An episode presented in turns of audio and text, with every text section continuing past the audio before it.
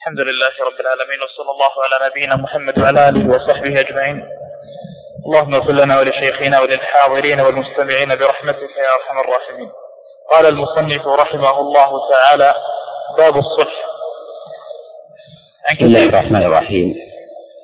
الحمد لله رب العالمين وصلى الله وسلم وبارك على نبينا محمد وعلى آله وأصحابه ومن تبعهم بإحسان إلى يوم الدين. أما بعد فالصلح هو تأليف بين مختلفين.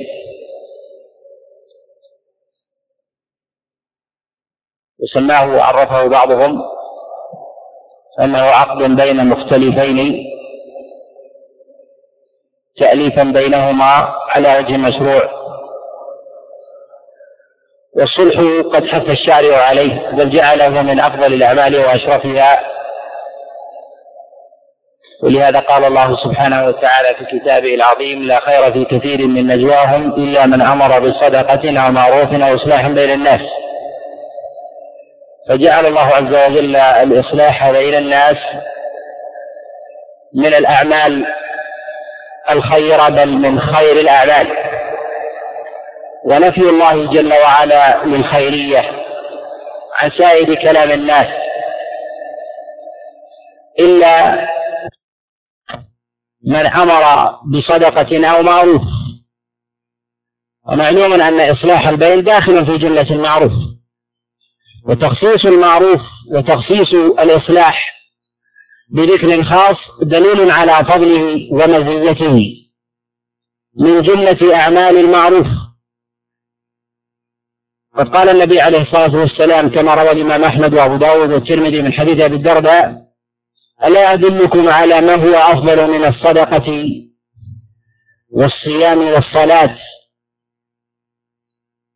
قال عليه الصلاة والسلام إصلاح ذات الليل. وقد جاء عنه عليه الصلاة والسلام كما عند البيهقي من حديث أبي هريرة أفضل الأعمال إلى الله إصلاح ذات البين وجاء أيضا من حديث عبد الله ابن عمر عند البيهقي وغيره. فالصلح من أفضل الأعمال وأجلها وذلك أن الشارع يتشوف إلى جمع الكلمة والتأليف بين الناس. ولهذا بين الشارع فضائل كثير من الأعمال التي تدفع ذلك وتجلب الخير. من تشريع بعض الشرائع التي تؤلف القلوب وتجمع الكلمة. وتحذير الشارع عليه الصلاة والسلام من الاختلاف وهو ما ما يخالف مقصد الصلح. ولهذا جعل النبي عليه الصلاة والسلام الاختلاف والفرقة هي الحالقة. وذلك أنها تفسد القلوب وتفرق فيما بين المسلمين. ولهذا قال الله عز وجل واعتصموا بحبل الله جميعا ولا تفرقوا. فأكد الأمر بالاجتماع بالنهي عن ضده. فقال جميعا وأكده ذلك وأكد ذلك بالنهي عن الضد بقوله ولا تفرقوا. وداوى الافتراق بأدوية عدة منها الإصلاح بين بين الناس. ومقصود المصنف عليه رحمة الله تعالى من باب الصلح هنا هو الصلح بالأموال. لا مطلق الصلح. ويأتي بيان أنواع الصلح في كلام الله عز وجل وفي كلام النبي عليه الصلاة والسلام نعم. عن كثير بن عبد الله بن عمرو بن عوف المزني عن أبيه عن جده أن رسول الله صلى الله عليه وسلم قال الصلح جائز بين المسلمين إلا صلحا حرم حلالا أو أحل حراما والمسلمون على شروطهم إلا شرطا حرم حلالا أو أحل حراما. رواه الترمذي وصححه. ولم يتابع على ولم يتابع على تصحيحه. ولم يتابع على تصحيحه فإن كثيرا تكلم فيه الأئمة وضعفوه. وضرب الإمام أحمد على حديثه في المسند ولم يحدث به. وقد روي نحو هذا الحديث من غير وجه. الحديث قد رواه الترمذي وغيره من حديث كثير بن عبد الله بن عمرو بن عوف عن أبيه عن جده وهذا الحديث قد أعل بكثير. فقد كذبه الإمام الشافعي. وقد نص ابن حبان على أنه يروي أخبارا عن أبيه عن جده. هي موضوعة. ونص الترمذي عليه رحمة الله تعالى في السنن على جودة حاله. ولهذا صحح له الخبر. وهذا من المواضع التي قد أخذت عن الترمذي عليه رحمة الله. قد نص على كذبه كذلك أبو داود عليه رحمة الله. وهذا النص من الشافعي عليه رحمة الله تعالى بتكذيب كثير بن عبد الله هو أنه يخطئ في الخبر وأنه يكثر الخطأ. وهذا المعروف في لغة العرب. ولهذا قال الله سبحانه وتعالى في كتابه العظيم ما كذب الفؤاد ما رأى. والفؤاد لا يتعمد التكذيب وإنما يخيل له أنه رأى شيئا ولم يره. ولهذا يقول الشاعر كذبتك عينك أم رأيت بواسط غلس الظلام من الرباب خيالا؟ كذبتك عينك العين لا لا تكذب على الإنسان وإنما تخيل إليه أنه رأى شيئا ولم يره. ولهذا في لغة العرب وعند أهل الحجاز خاصة يقولون على الغلط والوهم فيما لا يتعمده الإنسان كذبا. وهذا جاء في خبر رسول الله صلى الله عليه وسلم في حديث في حديث أبي السنابل كما في السنن وأصله في الصحيحين قال النبي عليه الصلاة والسلام كذب أبو السنابل. ولهذا قال أبو طالب مدافعا عن رسول الله صلى الله عليه وسلم حينما زعمت قريش أنها ستقتل محمدا. فقال في قصيدته مدافع النبي عليه الصلاة والسلام كذبتم وبيت الله لا تقتلونه ما دام فيه للسيف قائم. وقول هنا كذبتم بيت الله أي أخطأتم بزعمكم ودعواكم. وكذلك في قول عبادة بن الصامت لما قيل له أن أبا محمد يقول أن الوتر واجب قال كذب أبو محمد. لأنه أخطأ في قوله هذا وفي فتياه وهذا في ظن ما قصده الإمام الشافعي عليه رحمة الله تعالى في تكذيبه بكثير أي أنه يبالغ في الخطأ ويكثر منه حتى أصبح شبيها بالكذب. وهذا الخبر قد جاء من غير هذا الوجه من حديث سليمان بن بلال أو عبد العزيز بن محمد كما جاء في المسند والسنن عن كثير بن زيد عن الوليد عن أبي هريرة عن رسول الله صلى الله عليه وسلم. وقد جاء من وجه آخر من حديث العلاء بن عبد الرحمن عن أبيه عن أبي هريرة كما في المسند. أن النبي عليه الصلاة والسلام قال الصلح جائز بين المسلمين ولم يذكر الاستثناء. وهو معلوم أيضا. ولكن الخبر من جهة المعنى ثابت وصحيح. قد دل على معناه أصول الكتاب والسنة. قد تقدم الإشارة إلى هذا المعنى من كلام الله عز وجل وكلام رسول الله صلى الله عليه وسلم. ولهذا قد جاء في مواضع عدة وثبت عن رسول الله صلى الله عليه وسلم جملة من الأخبار في هذا في الصحيحين وغيرهما أن النبي عليه الصلاة والسلام سعى في الإصلاح بين الناس. قالوا الصلح جائز بين المسلمين أي أنه سائغ لا يرد ولا يجوز لأحد أن يرده بحال. ما لم يكن للإنسان حق في ذلك فهو مخيرا بين القبول أو عدمه. والصلح المراد به المصالحة بين مختلفين أو مختلفين. وهو على عدة أنواع. النوع الأول صلح بين مسلمين وأهل حرب. كما صالح النبي عليه الصلاة والسلام كفار قريش في صلح الحديبية. ما ما فعلوه مع النبي عليه الصلاة والسلام إلا أن النبي عليه الصلاة والسلام صالحهم. وذلك لأمر الله عز وجل له. وهذا تقدم الكلام عليه في كتاب الجهاد. النوع الثاني صلح بين أهل عدل وأهل بغي.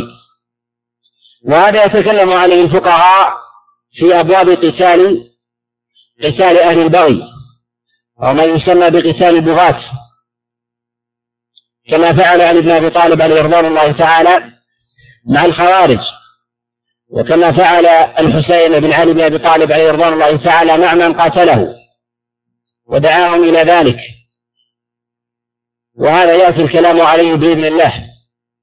النوع الثالث صلح بين بين الزوجين. وهذا قد أرشد الله سبحانه وتعالى إليه ويأتي الكلام عليه في كتاب النكاح. النوع الرابع الصلح بين الرابع أو الخامس النوع الرابع الصلح بين مختلفين في غير مال كالذين يختلفون في الشجاج أو الجراحات أو الخصومات فيما بينهم من غير أموال. النوع الخامس الصلح بين أهل الأموال. وهذا المقصود الكلام فيه في هذا الباب.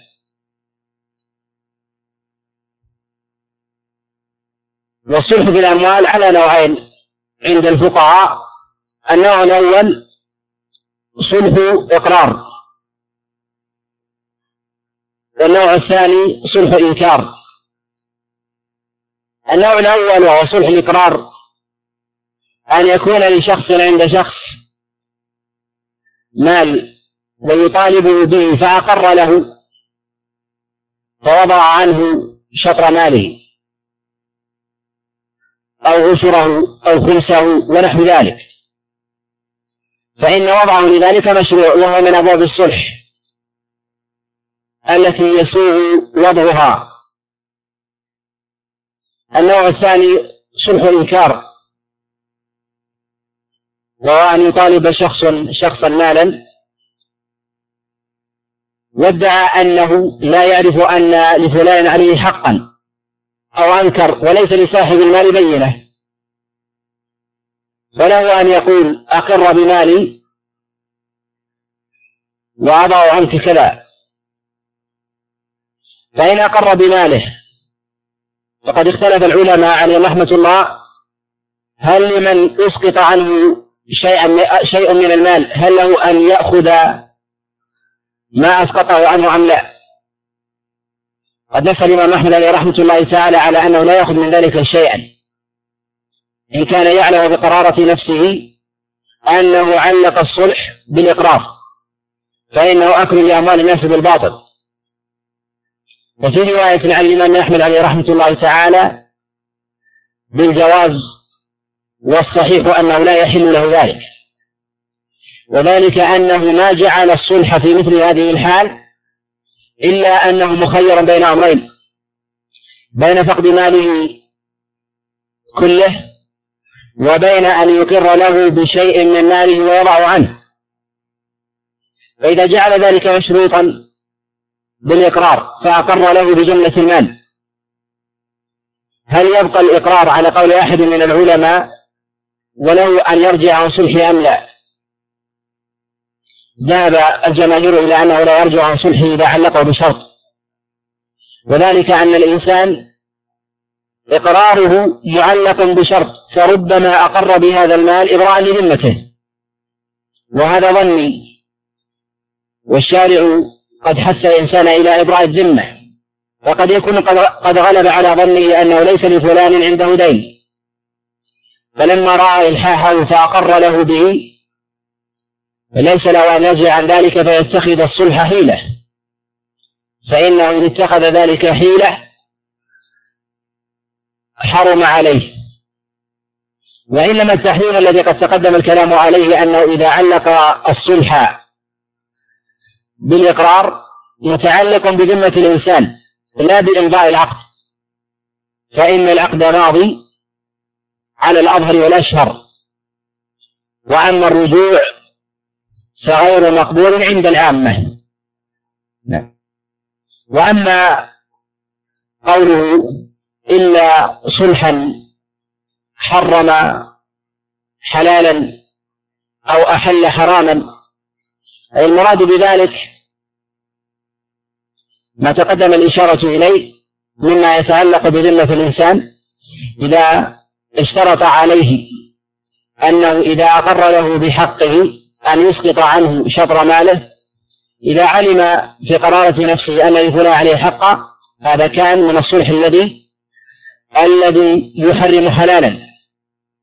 فيحرم حينئذ فيه التصالح في الباطن ويمضي في الظاهر لأن الاعتبار بالظواهر في العقود هو الذي عليه مناط تصحيح العقود وفسخها. وأما البواطن فأمرها إلى الله عز وجل فيقال أنه في الباطن مفسوخ في ذمة الإنسان فيجب عليه أن يعيد الحق. وكذلك الشروط المحرمة التي تقدم الإشارة إليها في قول النبي عليه الصلاة والسلام كل شرط ليس في كتاب الله فهو باطل وإن كان مئة شرط. وفي قوله عليه الصلاة والسلام إلا صلحا حرم حلالا أو أحل حراما. من الصلح في العقود المحرمة ودفع الناس إلى التراضي بها ونحو ذلك. أو أخذ حق الإنسان على وجه الحياة كأن يأتي شخص من الأشخاص إلى شخص يستحي منه فيريد أن يصلح بينه وبين ذاك فيجعل ما له من جاه ومكانة ليسقط ما لفلان من حق ويعلم أن إسقاط ذلك الحق كان بحياء وليس بطيب نفس فإن هذا محرم. فيكون حينئذ من تحريم من تحريم الحلال. وهذا قد أجمع العلماء على أن الحقوق التي قد سقطت بسيف الحياء أنها باطلة سواء عند أهل الجاه والفضل أو عند أهل المنافع. فإذا كان لشخص عند شخص حق فيؤتى بصاحب الحق حتى يسقط الحق الذي لفلان في ذمة فلان بموجب حق سابق حياء منه. ونحو ذلك فيقال أن هذا ليس من المقاصد الشرعية. فإنه قد حكي إجماع العلماء عليه رحمة الله على أن الحقوق التي تسقط بسيف الحياة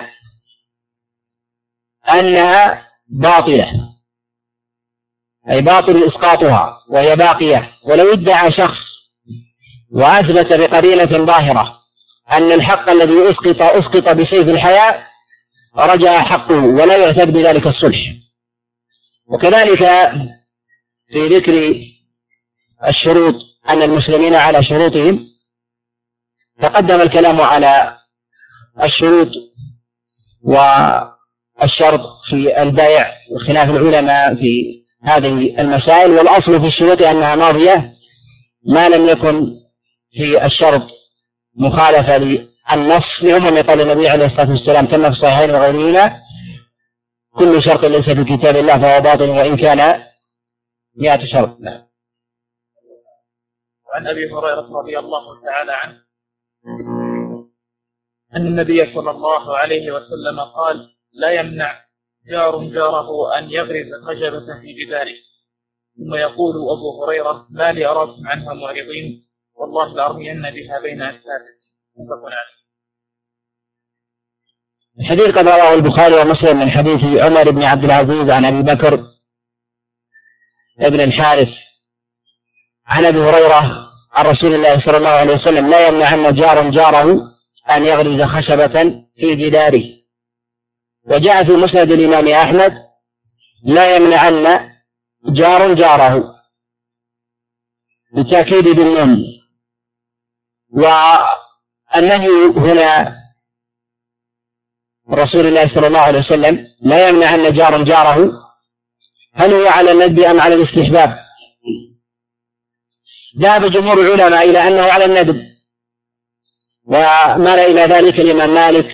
والشافعي في قوله الجديد وأبو حنيفة وأنه ليس على الوجوب وأن هذا على الندب وذلك أن الأصل في حقوق الناس لابد أن تكون بطيب نفس منها. لهذا قال النبي عليه الصلاة والسلام لا يحل مال امرئ مسلم إلا بطيب نفس منه. ومنع الله عز وجل من أكل أموال الناس بالباطل ولا تأكلوا أموالكم بينكم بالباطل. فالأصل في الأموال أنها محرمة. إلا بطيب النفس.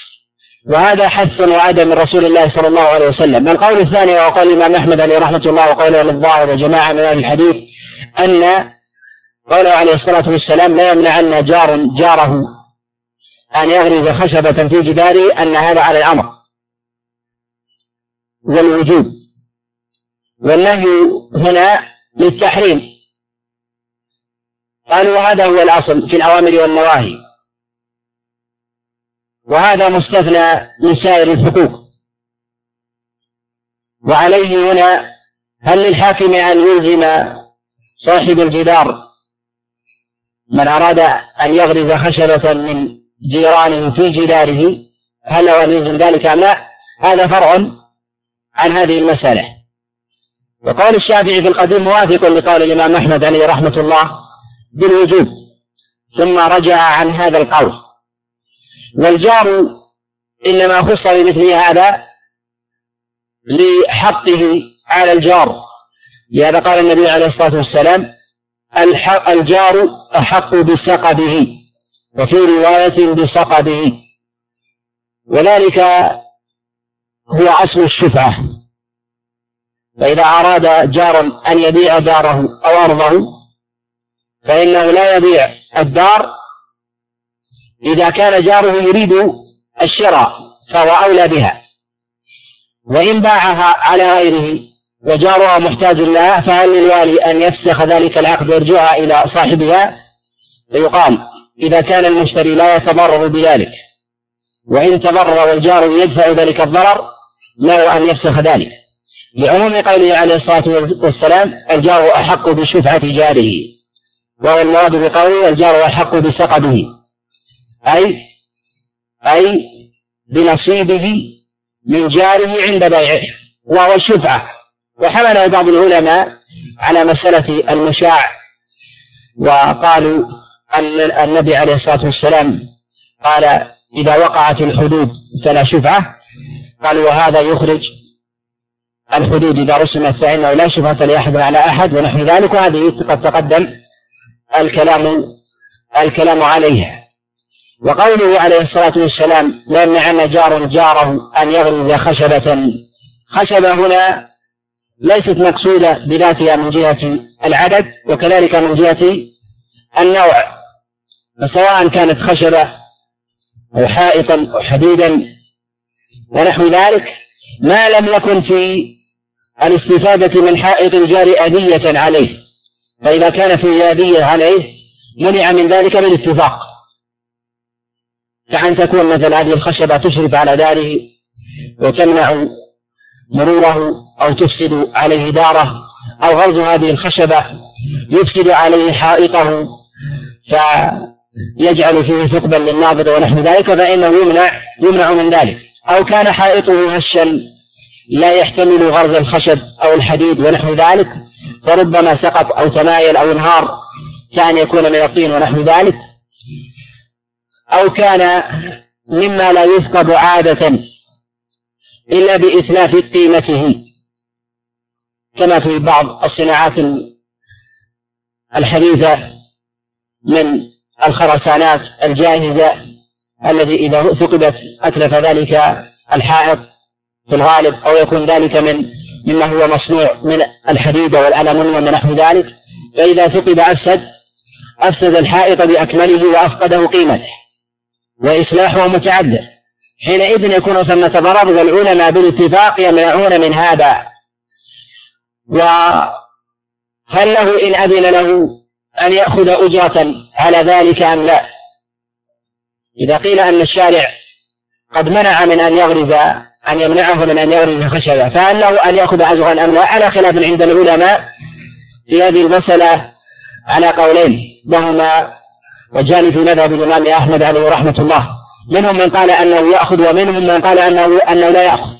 والصواب أنه لا يأخذ. وهذا من المنافع العامة التي يحرم على الإنسان أن يأخذ عليها أجرا.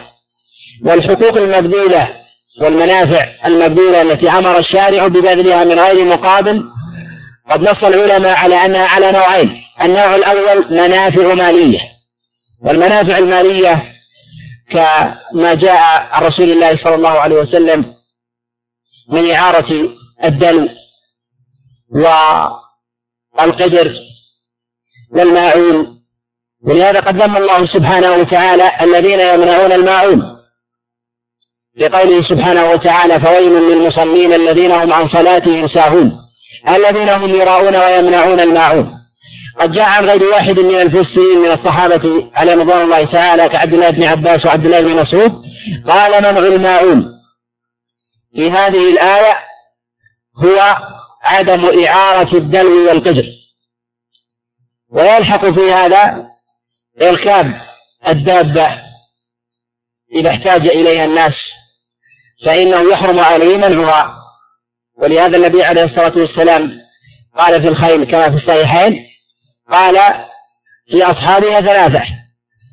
رجل هي له أجر ورجل له ستر ورجل هي عليه وزر. وذكر النبي عليه الصلاة والسلام من هي عليه ستر؟ رجل حبسها تعففا وتغنيا عن الناس ولم يحبس ظهرها. قالوا وفي قوله لم يحبس ظهرها أي أنها مناف ذلك للستر. إذا حبس الظهر مناف للستر ويلحق حينئذ يخرج من هذا القسم إلى القسمين. إما أن يكون مأجورا وإما أن يكون آثما. فالأجر هنا غير وارد باعتبار أن هذه المرتبة دون مرتبة الأجر حينئذ يلحق في قسم الوزر الذي يمنعها. ثم أن رسول الله صلى الله عليه وسلم قد ذكر النوع الأول وهو الذي والتي هي له أجر. قال عليه الصلاة والسلام رجل حبسها في سبيل الله. يعني في جهاد في سبيل الله هذا مما لا يأتي لا يأتي عليه هذا الوصف. ويلحق في هذا ما تقدم الكلام عليه من نهي النبي عليه الصلاة والسلام عن عسب الفحل. ورسول الله صلى الله عليه وسلم قد نهى عن عسب الفحل وهو أجرة ضرابه.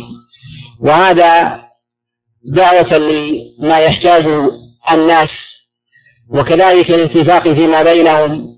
وتسهيلا للمؤونة وكذلك دفعا للشح. ونهي رسول الله صلى الله عليه وسلم هنا كما تقدم الإشارة إليه أنه على التحريم على الصواب من أقوال أهل العلم. وأما النوع الثاني من المنافع المبذولة فهي منفعة الذات الذوات من إجارة الإنسان لنفسه ونحو ذلك أو ما حث الشارع عليه. من بذل العلم والأمر بالمعروف والنهي عن المنكر وإصلاح ذات البين إذا احتاج الناس إليه ونحو ذلك هذا مما هو واجب. وتعليم الناس وإفتاء الناس هذا مما هو واجب ويحرم على الإنسان أن يأخذ عليه أجرا بكل حال. على خلاف بعض الأحوال وليس هذا محل الكلام عليه. ويلحق أيضا في هذا النوع نهي الله عز وجل الشهداء أن يأبوا الإدلاء بالشهادة. لهذا قال الله سبحانه وتعالى في كتابه العظيم ولا يأبى الشهداء إذا ما دعوا قالوا والمنع هنا منع لمنفعة تقوم بذات الإنسان فيحرم عليه أن يمتنع. ولهذا قال الله سبحانه وتعالى ولا يأبى كاتب أن يكتب كما علمه الله. فيحرم على الكاتب إذا دعي أن يكتب لمتبايعين أن يمتنع الكتاب وهذه منفعة قد تحققت فيه فيحرم عليه المنع. فهل يأخذ على ذلك أجر أم لا؟ فهذا محل خلاف عند العلماء على أربعة أقوال وهي أربعة أوجه في مذهب الإمام أحمد ليس هذا محل ليس هذا محل الكلام عليها. والصواب من ذلك أنه لا يأخذ الشهادة على الشهادة مالا. وذلك أن الشهادة متحققة بالذات. والله عز وجل قد نهى عن المنع وأمر بالإدلاء بها إذا طلبت. ثم أن المال إذا أعطي قد يجعل الإنسان يزيد في الإشهاد ما ليس فيه ويضر بحق الغير. إلا إذا كان في الشاهد ضرر بالإدلاء بهذه الشهادة مالي كأن ينتقل من بلد إلى بلد حينئذ يعطيه أجرة ذهابه ولا يزيد على ذلك على الصحيح من أقوال أهل العلم. وأما في قوله هنا أن يغرز خشبة بعض العلماء قيده وأخذ بظاهره فقال خشبة واحدة لا يزيد على ذلك. وقال أن هذا ليس هو المراد وقد جاء عند البيهقي من حديث ليث عن شريك عن إكرمة عن عبد الله بن عباس ذكر ذكر هذه العدد. ولا ينافي هذا شيئا عن رسول الله صلى الله عليه وسلم. والعبرة بالعموم النبي عليه الصلاة والسلام إنما ذكر الخشبة على التمثيل وإلا قد يحتاج الناس إلى ما سواها. ويلحق في هذا ما ينتفع منه الناس ما ليس بخشب مما لا يلحق مما لا يلحق فيهم ضرر كأن يجري الإنسان ماء على أرض جاره ليوصله إلى أرض آخر إلى أرض أخرى. كأن يكون لشخص أرضا بين أرضين لشخص آخر فيجري ماءه بين هذه وهذه. فهل له المنع أم لا؟ هذه المسألة محل خلاف والذي قضى به عمر بن الخطاب رضي الله تعالى على أنه لا يجوز له المنع. قد روى الإمام مالك في الموطأ من حديث عمرو بن يحيى المازني عن أبيه أن محمد بن مسلمة كانت له أرض. وأحد الأنصار يريد أن يجري ماء إلى أرضه منها. فشكى إلى عمر بن الخطاب عليه رضوان الله تعالى امتناع محمد ابن مسلمة. فناداه عمر بن الخطاب عليه رضوان الله تعالى قال ما لك تمنع فلانا ماء لا يضرك وينفعك تشرب منه إن شئت أولا وآخرا. فقال لا. فقال عمر بن الخطاب عليه رضوان الله تعالى ليجرين ولو على ظهرك. وجاء في رواية ليجرين ولو على بطنك. أي أنه لا بد أن يجري وهو حق لجارك. وهذا من المنافع. وإن كان جمهور العلماء على خلاف ذلك. وهو ظاهر مذهب الإمام أحمد عليه رحمة الله ومال إليه الإمام الشافعي. إلى أن هذا الخبر قضاء من عمر. وليس هو أولى بقول محمد بن مسلمة وهو صحابي جليل. وخالف في هذا القول وخالفه غيره أيضا وهو اجتهاد منه. قالوا والأصل في ذلك أن رسول الله صلى الله عليه وسلم قد منع من أكل أموال الناس بالباطل وقال لا يحل مال امرئ مسلم إلا بطيب نفس منه. وحينئذ من أخذ من شخص مالا أو أكرهه على إمرار ماء فهذا محرم. وفعل عمر بن الخطاب عليه رضوان الله تعالى اجتهاد منه. قال الإمام الشافعي عليه رحمة الله تعالى في كتاب الأم قد أخرج الإمام مالك عليه رحمة الله تعالى هذا الأثر في كتابه الموطأ ولم يعمل به وذلك لمخالفته للأصول. وإلى هذا أشار ابن قدامة عليه رحمة الله تعالى في المغني بقوله أن قول عمر بن الخطاب ليس بأولى من قول محمد بن مسلمة وقول محمد بن مسلمة موافق للأصول يعني الأخبار عن رسول الله صلى الله عليه وسلم وذلك أن الأصل في أموال الناس أنها لا تؤخذ إلا بطيب أنفس منهم والذي يظهر والله أعلم أنه للحاكم أن يأمر غيره ممن لا لا يضره انتفاع انتفاع غيره من تلك المنفعة ولا يفسد عليه شيئا له أن يأمره. وإن ادعى الضرر وكان ثمة بينة له حينئذ أن يعطيه أجرة لذلك. وقد استدل بعضهم بما رواه الأعمش عن أنس بن مالك قال استشهد غلام منا فأخذته أمه فهي تضع يدها على جبينه وتقول له هنيئا لك الجنة. فسمعها رسول الله صلى الله عليه وسلم وقال لها ما يدريك؟ لعله تكلم فيما لا يعنيه. ومنع ما لا ما لا يضره. قالوا وفي قوله عليه الصلاة والسلام ومنع ما لا يضره أي أنه منع غيره أن ينتفع من منفعة وهي لا تضره وهي في ظاهرها حق له وهذا الخبر في إسناد انقطاع وذلك أن الأعمش لم يسمع من أنس بن مالك هذا الخبر. وعلى وجه العموم فالعلماء يقررون على أن ما كان في ملك الإنسان ومن حقه. واحتاج الناس إليه عامة أنه ينتقل من ملكه إلى ملكه ويحرم عليه عليه حبسه.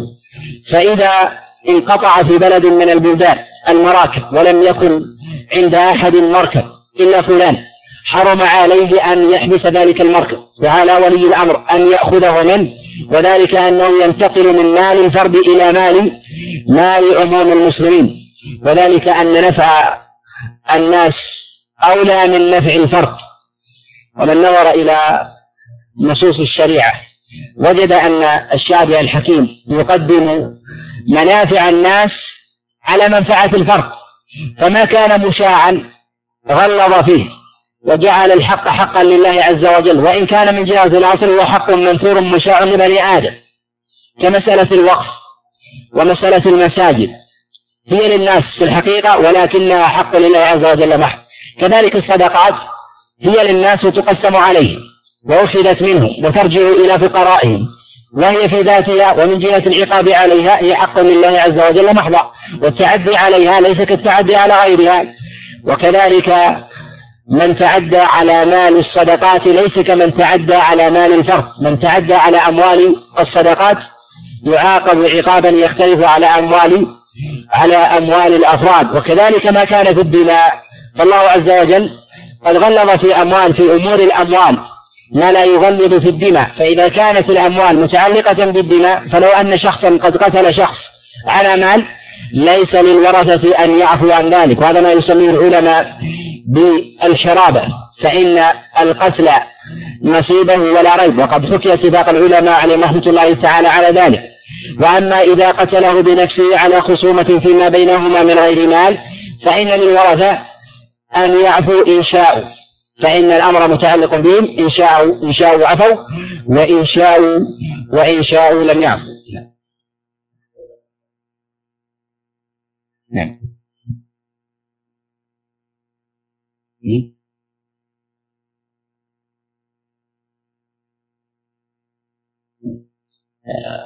يقول هل يصح أن يغرز خشبه في جداره؟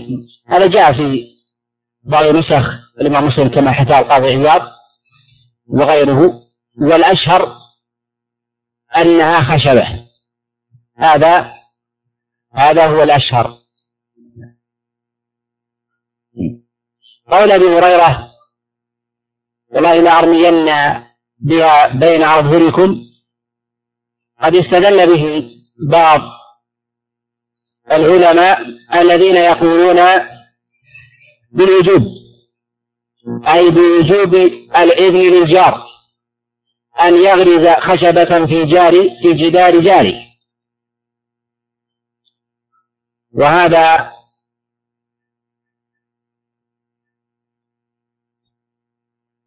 وهذا الاستدلال لا يحض من النظر وإن كان ليس بصريح حمله بعضهم على ظاهره في قوله والله لأرمين بها بين أظهركم أنه أراد هذا الخبر وهذا الحكم عن رسول الله صلى الله عليه وسلم.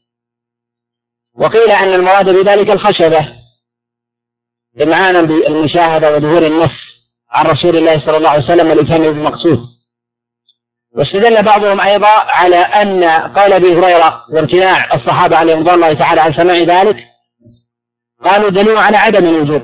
ولو كان النص ظاهرا لهم لما امتنعوا واحتاجوا إلى إلحاح أبي هريرة فهم فهم أتقى من أن يمتنعوا عن امتثال أمر رسول الله صلى الله عليه وسلم من جهة التأكيد. نعم. كتاب الحجر.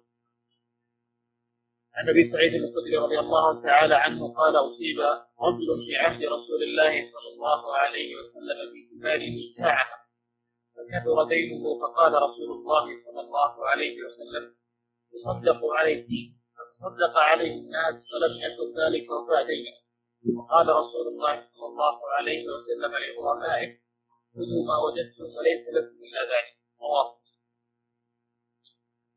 هذا الحديث أصل في باب الحجر على المفلس والحجر هو المنع.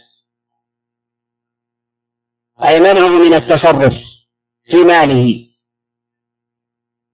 والحجر على المفلس مشروع بالنص عن رسول الله صلى الله عليه وسلم. هنا على خلاف في بعض صوره من الحجر على الكبير وفي بعض المسائل كالحجر على من طلب أحد الغرماء الحجر عليه وليس هو ولم يطلب عامة الغرماء والرجل الذي قد أفلس وأصيب في أرض قد ابتاعها في عصر رسول الله صلى الله عليه وسلم. استدل به البعض أنه مخالف لما لوضع النبي عليه الصلاة والسلام الجوائح وتقدم الكلام على الجوائح.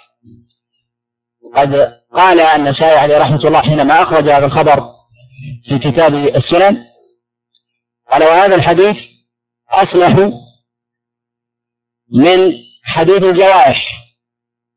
ووضعها. والكلام على الجوائح تقدم الإشارة إليه قبل أبواب من كتاب البيوع.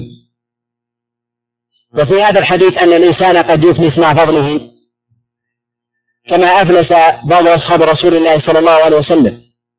وكذلك معاذ بن جبل عليه رضوان الله تعالى.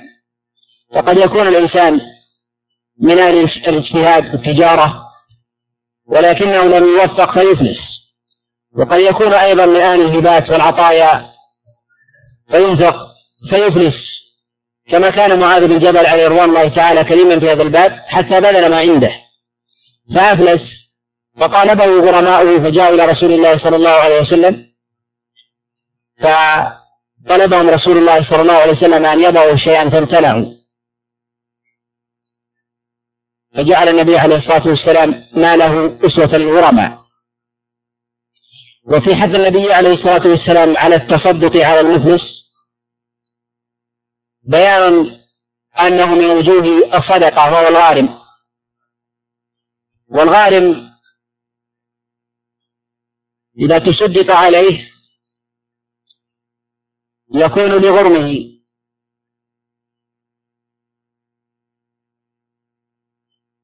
ويملك ذلك المال. وإن صرفه في غيره بعد سداد الحق جاز له ذلك على الصحيح من أقوال أهل العلم. وقد استدل بهذا الخبر بعض العلماء كظاهر قول ابن حزم وحكاه عن عطاء بن أبي رباح أنه يصح لمن كان له دين على شخص أن يسقط دينه ويكون من جملة الزكاة. قال لهذا النبي عليه الصلاة والسلام قال تصدقوا عليه والمراد بذلك أن يرجع المال إلى المستحقين. وقد يكون من جملة من يتصدق هم الغرماء. فلم يستثن النبي عليه الصلاة والسلام طالب حق عن غيره. وهذه المسألة قد تقدم الكلام عليها في أبواب الزكاة. وبينا هناك أن من كان عليه دين لشخص فأسقط صاحب المال عليه زكاة أن ذلك لا يصح من صاحب المال من جهة الزكاة ويكون جملة ويكون من جملة الصدقات على الصحيح من أقوال أهل العلم. وحث النبي عليه الصلاة والسلام على التصدق هو من أبواب الصلح ودفع الضغينة والشحنة والخلاف. ولكن هذه الصدقة التي تصدق بها بعض أصحاب رسول الله صلى الله عليه وسلم لم توفي دينه فطالبوا بالمال فجعل النبي عليه الصلاة والسلام ماله أسوة للغرماء. أي يقسم بينهم على التساوي. وفي هذا حجر على صاحب المال. يعني النبي عليه الصلاة والسلام منعه من تصرفه بماله. والحجر يترتب عليه أمور. أولها منع صاحب المال أن يتصرف في ماله؟ حال الحجر عليه.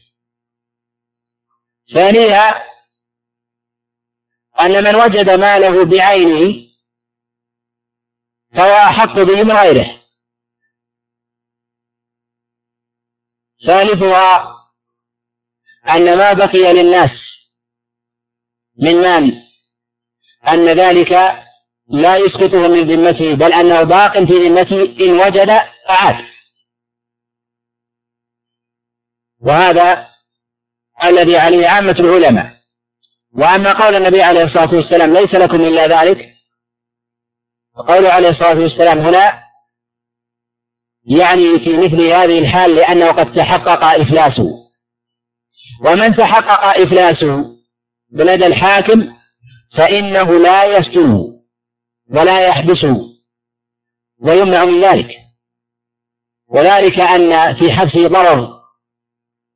وسجن صاحب الدين مشروع وقد تقدم الكلام عليه في حديث عمرو بن الشريف في السنن وغيرها أن رسول الله صلى الله عليه وسلم قال ما كل غني يحل عرضه وعقوبته.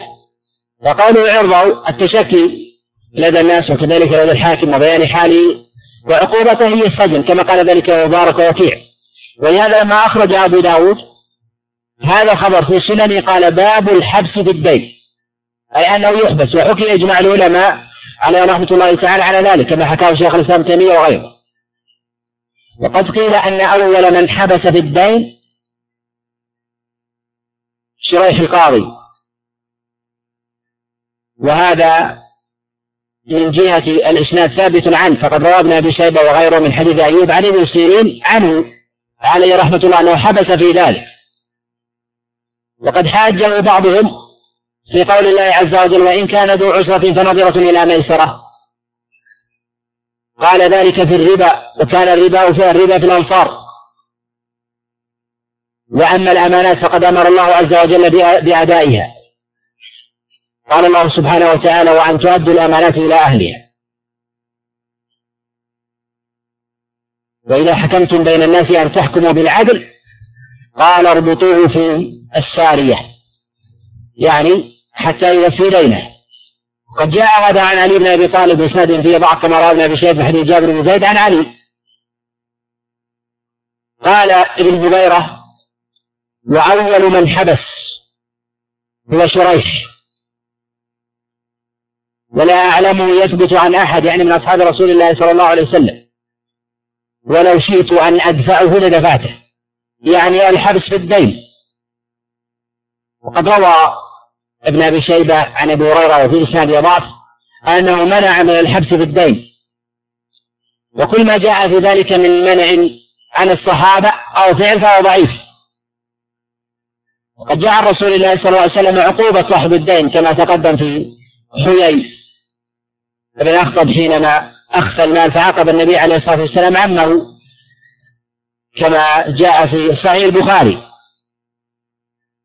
وقد جاء في حبس صاحب الدين عن غير واحد من السلف كسعيد وعامل بن شراحيل الشعبي والحسن وغيرهم وهو قول الإمام مالك والشافعي وأحمد. ورواية عن أبي حنيفة. في المشهور عنه. ومن أفلس ولم يجد وفاء. فهل يحجر عليه أم يحبس؟ ذهب جمهور العلماء إلى أنه يحجر عليه. وذهب أبو حنيفة إلى أنه يحبس ولا يحجر عليه. ومن امتنع عن الوفاء مع وجوده كذلك حكمه كحكمه.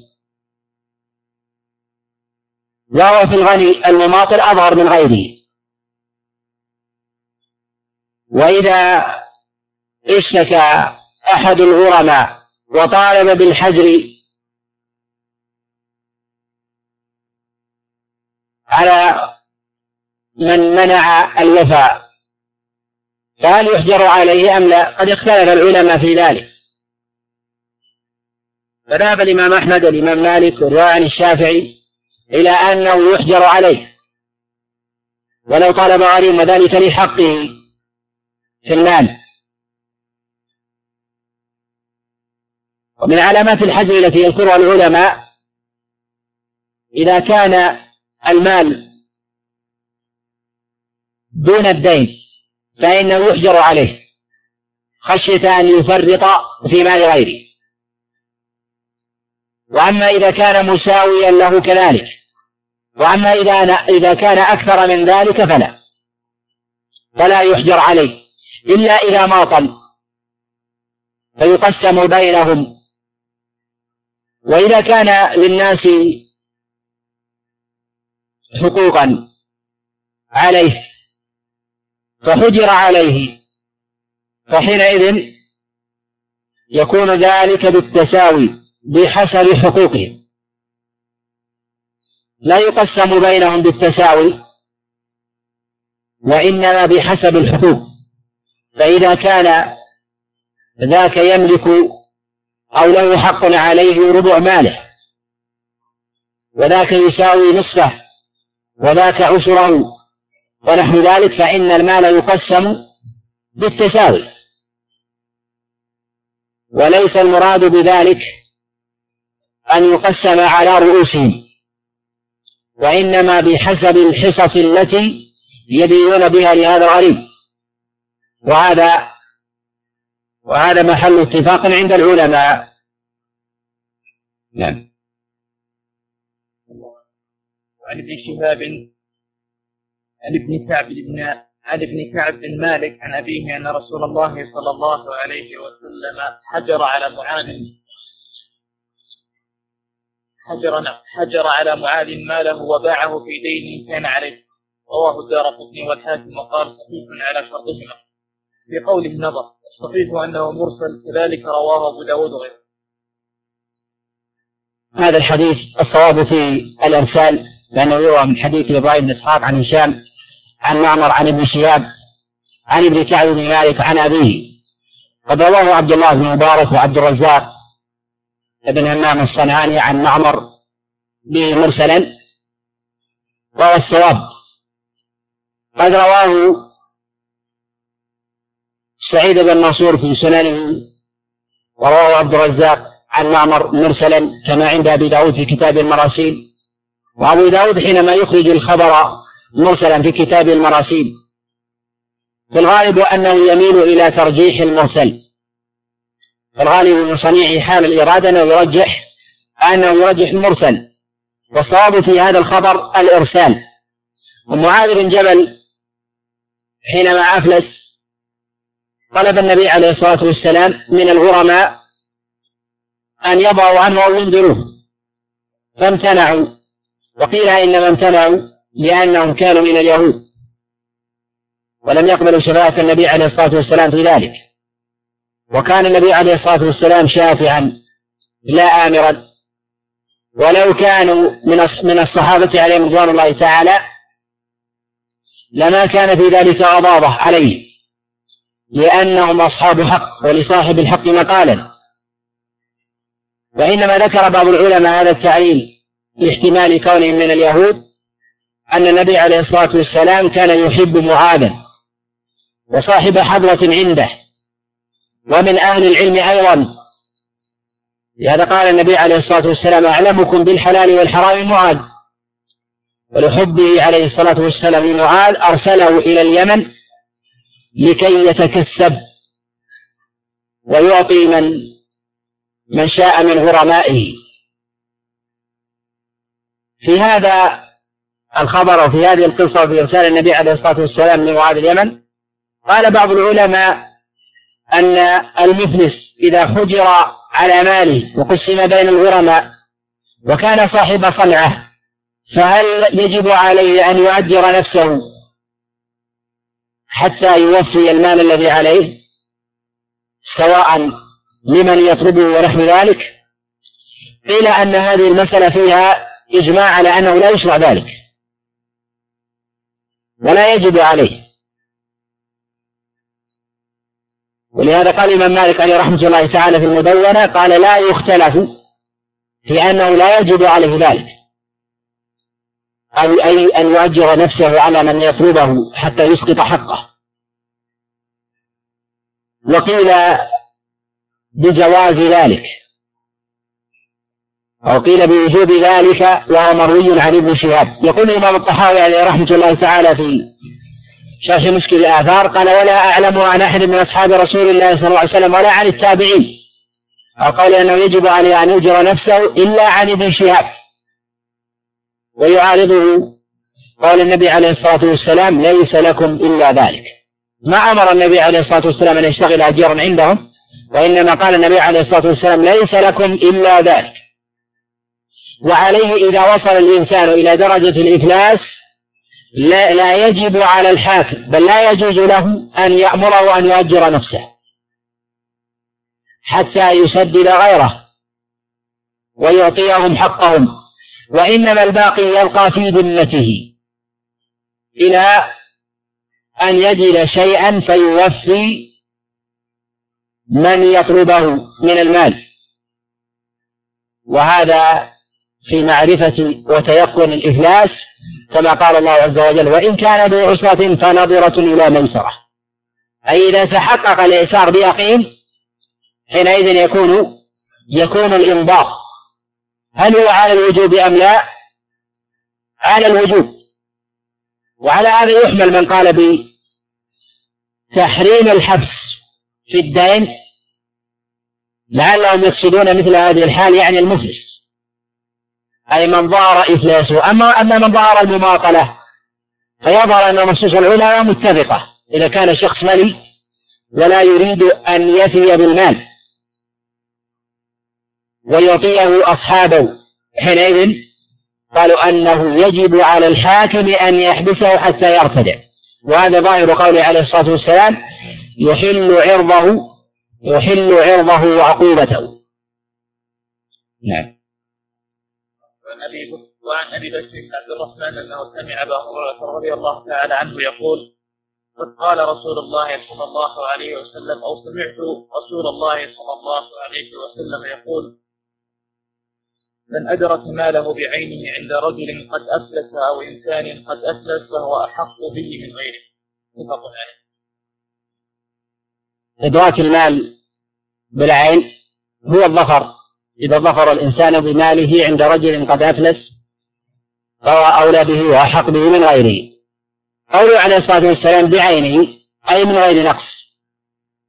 إذا وجده بعينه من غير نقص فهو أحق به من غيره. فإذا كان ناقصا كان يكون طعام قد اشترى شخص من شخص من شخص طعاما. مثلا اشترى منه ألف كيس رز. فوجد نصفها. فهذا المال ليس بعينه. حينئذ يكون نسبة الغرماء. قالوا وعلة ذلك أن بينه وبينه عقد. مرهون بالوفاء. فلم يفي فسخ العقد ورجع المال بعينه. وإذا لم يكن له عين حينئذ فلا فلا يرجع. وإنما يتساوى فيه الناس. قالوا وهذا نظير أيضا بهائم الأنعام. إذا اشترى شخص من شخص بهائم الأنعام ووجدها قد نقصت ولم يجدها بعينها فإنه حينئذ يكون اسمة الغرم أما إذا وجدها بعينها كأن تكون دار أو أرض وأفلس حينئذ يقال بالفسخ. وعلى هذا جمهور العلماء خلافا لأبي حنيفة الذي قال أنه أسوة الغرماء على وجه العموم. وظاهر النص عن رسول الله صلى الله عليه وسلم يفصل في ذلك. بقوله عليه الصلاة والسلام من وجد ماله بعينه عند من أفلس فهو أحق به من غيره. والمفلس باتفاق العلماء هو من كان ماله دون دينه فهو مفلس. وإن كان ماله الذي بحوزته آلاف مؤلفة إذا كان الدين أكثر منها فهو مفلس. في اصطلاح الشرع بالاتفاق. فإذا طالب الغرماء الحبس عليه وادعى أنه صاحب مال ولديه ألوف مؤلفة أو ملايين ونحو ذلك ووصي دينه وفاق ماله فهو مفلس ويستحق الحجر.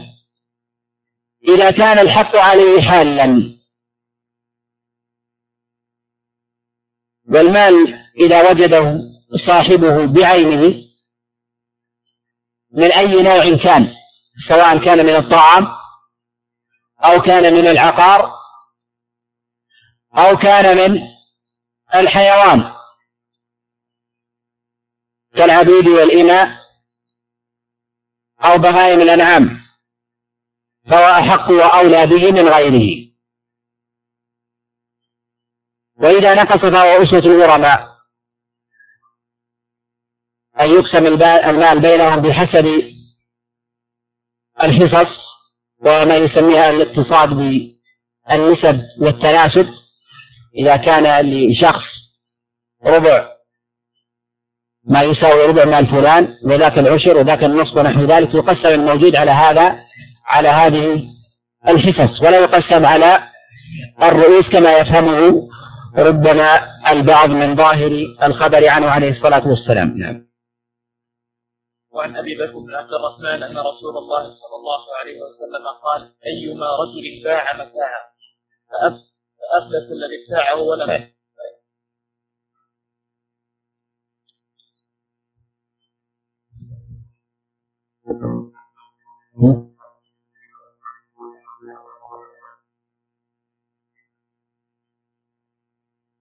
هل نقصت بالاستعمال؟ يعني مثلا شخص باع شخصا سيارة. هذه السيارة قد استعملت على أنه يوفيها بعد سنتين. وبعد سنتين نزلت القيمة. هل هو أولى به من غيره؟ نقصت القيمة؟ لا. ما وجدها بعينها. إنما قد تغيرت بالاستعمال. الذي لا يتغير بالاستعمال الأراضي الدور الكتب. الأوراق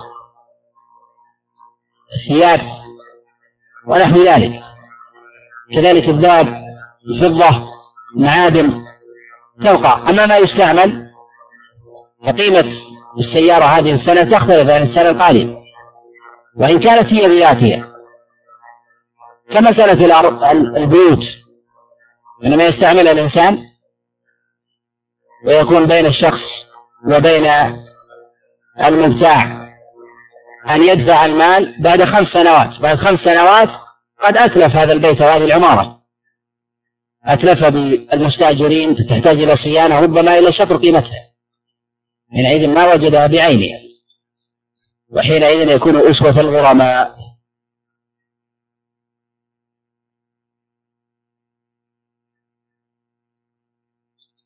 يقول هل هناك فرق بين المرسل الخفي والتدليس المرسل الخفي هو نوع من أنواع نوع من أنواع التدليس. يقول هل تفرد الثقة مقبول على الإطلاق؟ لا ليس مقبول على الإطلاق ولا مردود على الإطلاق وإنما هذا بحسب قرائن الحال. ولا يوجد عند العلماء قاعدة مضطردة في زيادة الثقة من جهة القبول أو جهة الرد.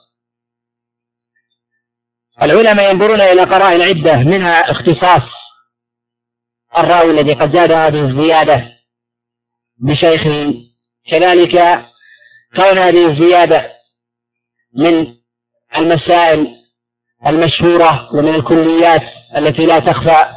كذلك طبقة الراوي الذي قد زاد هل هو متأخر ومتقدم كلما تأخر زاد احتمال الوهم والغلط. كذلك ينظر إلى من خالف ودرجته منه من جهة الاختصاص ومن جهة الكثرة ومن جهة الضبط. لا بد النظر إلى هذه الجهات.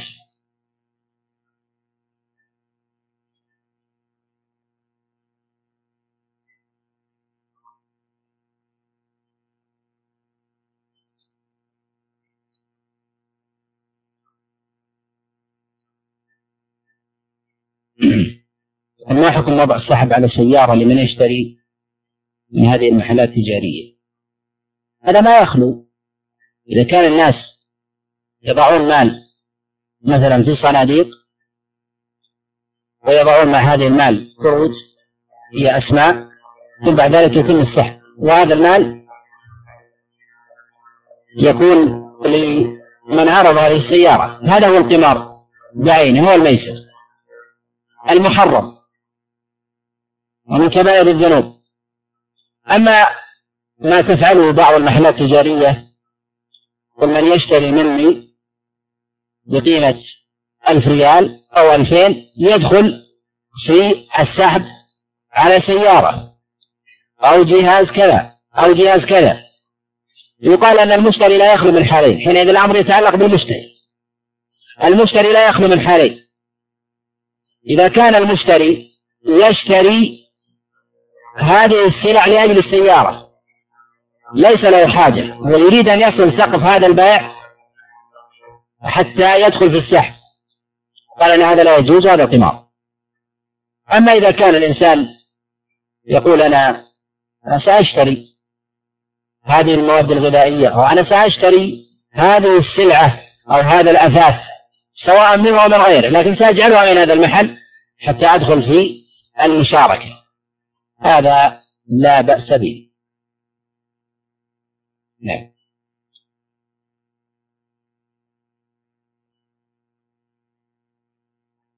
المسابقة كيف؟ يعني آه، من يجاوب مثلا؟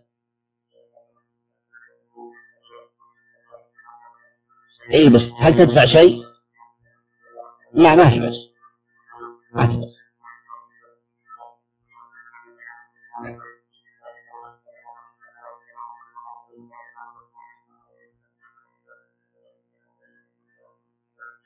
يعطى بيده. لأنه ظالم. فيعطى بيده وأدرى بحاله. وإن سدد الإنسان إذا كان يخشى من مواطلته و وعدم صدقه حينئذ لا حرج على الإنسان أن يسدد عنه الدين إذا خشي من هذا. أما إبراء الذمة فتبرأ بإعطائه. تسقط الزكاة. نعم.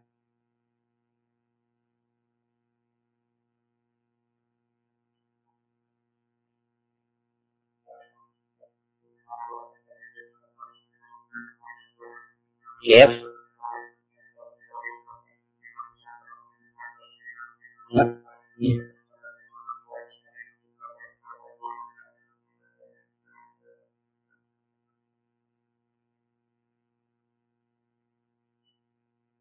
يعني قصدك هل يسقط هذا الدين إذا قال أن تبرع بهذا الدين الذي عليك؟ أي أي نعم فهمت المقصد. إذا إذا كنت مثلا آه، يطلبك شخص مثلا 100 ريال على سبيل المثال وهذا الشخص لا تعلم أين المكان. هل تتصدق بهذا المال؟ عنه؟ تتصدق بنية بالنية عنه سواء في مسجد أو أو أو تخرج عن الفقراء والأيتام وإن شاء الله يصله ويسقط عنك الذمة.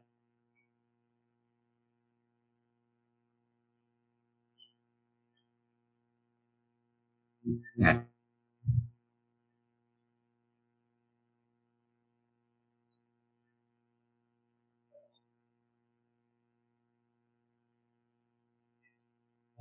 هو جاء عن أبي هريرة أن يبقى له شيء لحاجته ولعياله. يبقى له القوت ولا يباع بيته ومركبه وإنما ما زاد عن ذلك. إذا كان لدى الشخص مركب يركبها ودار يسكنها لا تباع هذه الدار ولا هذه المركب وإنما ما زاد عن ذلك المال. وإلا هذا يكون ليس له حد. إذا قيل بذلك يقال ليس لهذا حد. تباع الدار تباع الأثاث تباع الطعام هذا لا يجوز بحال.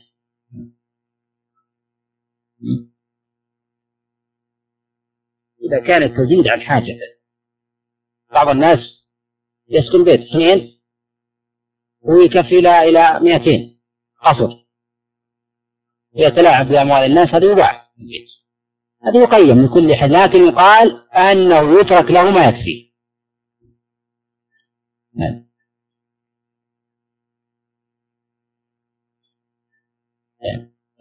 حيلة لدين آخر يعني.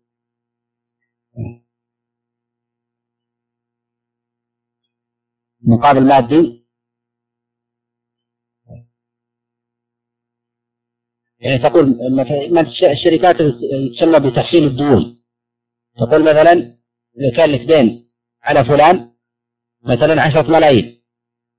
نعطيك مثلا خمسة ونحن ناخذ الدين. لا بأس بذلك. إذا صار أقل. والله أعلم صلى الله عليه وسلم وبارك على نبينا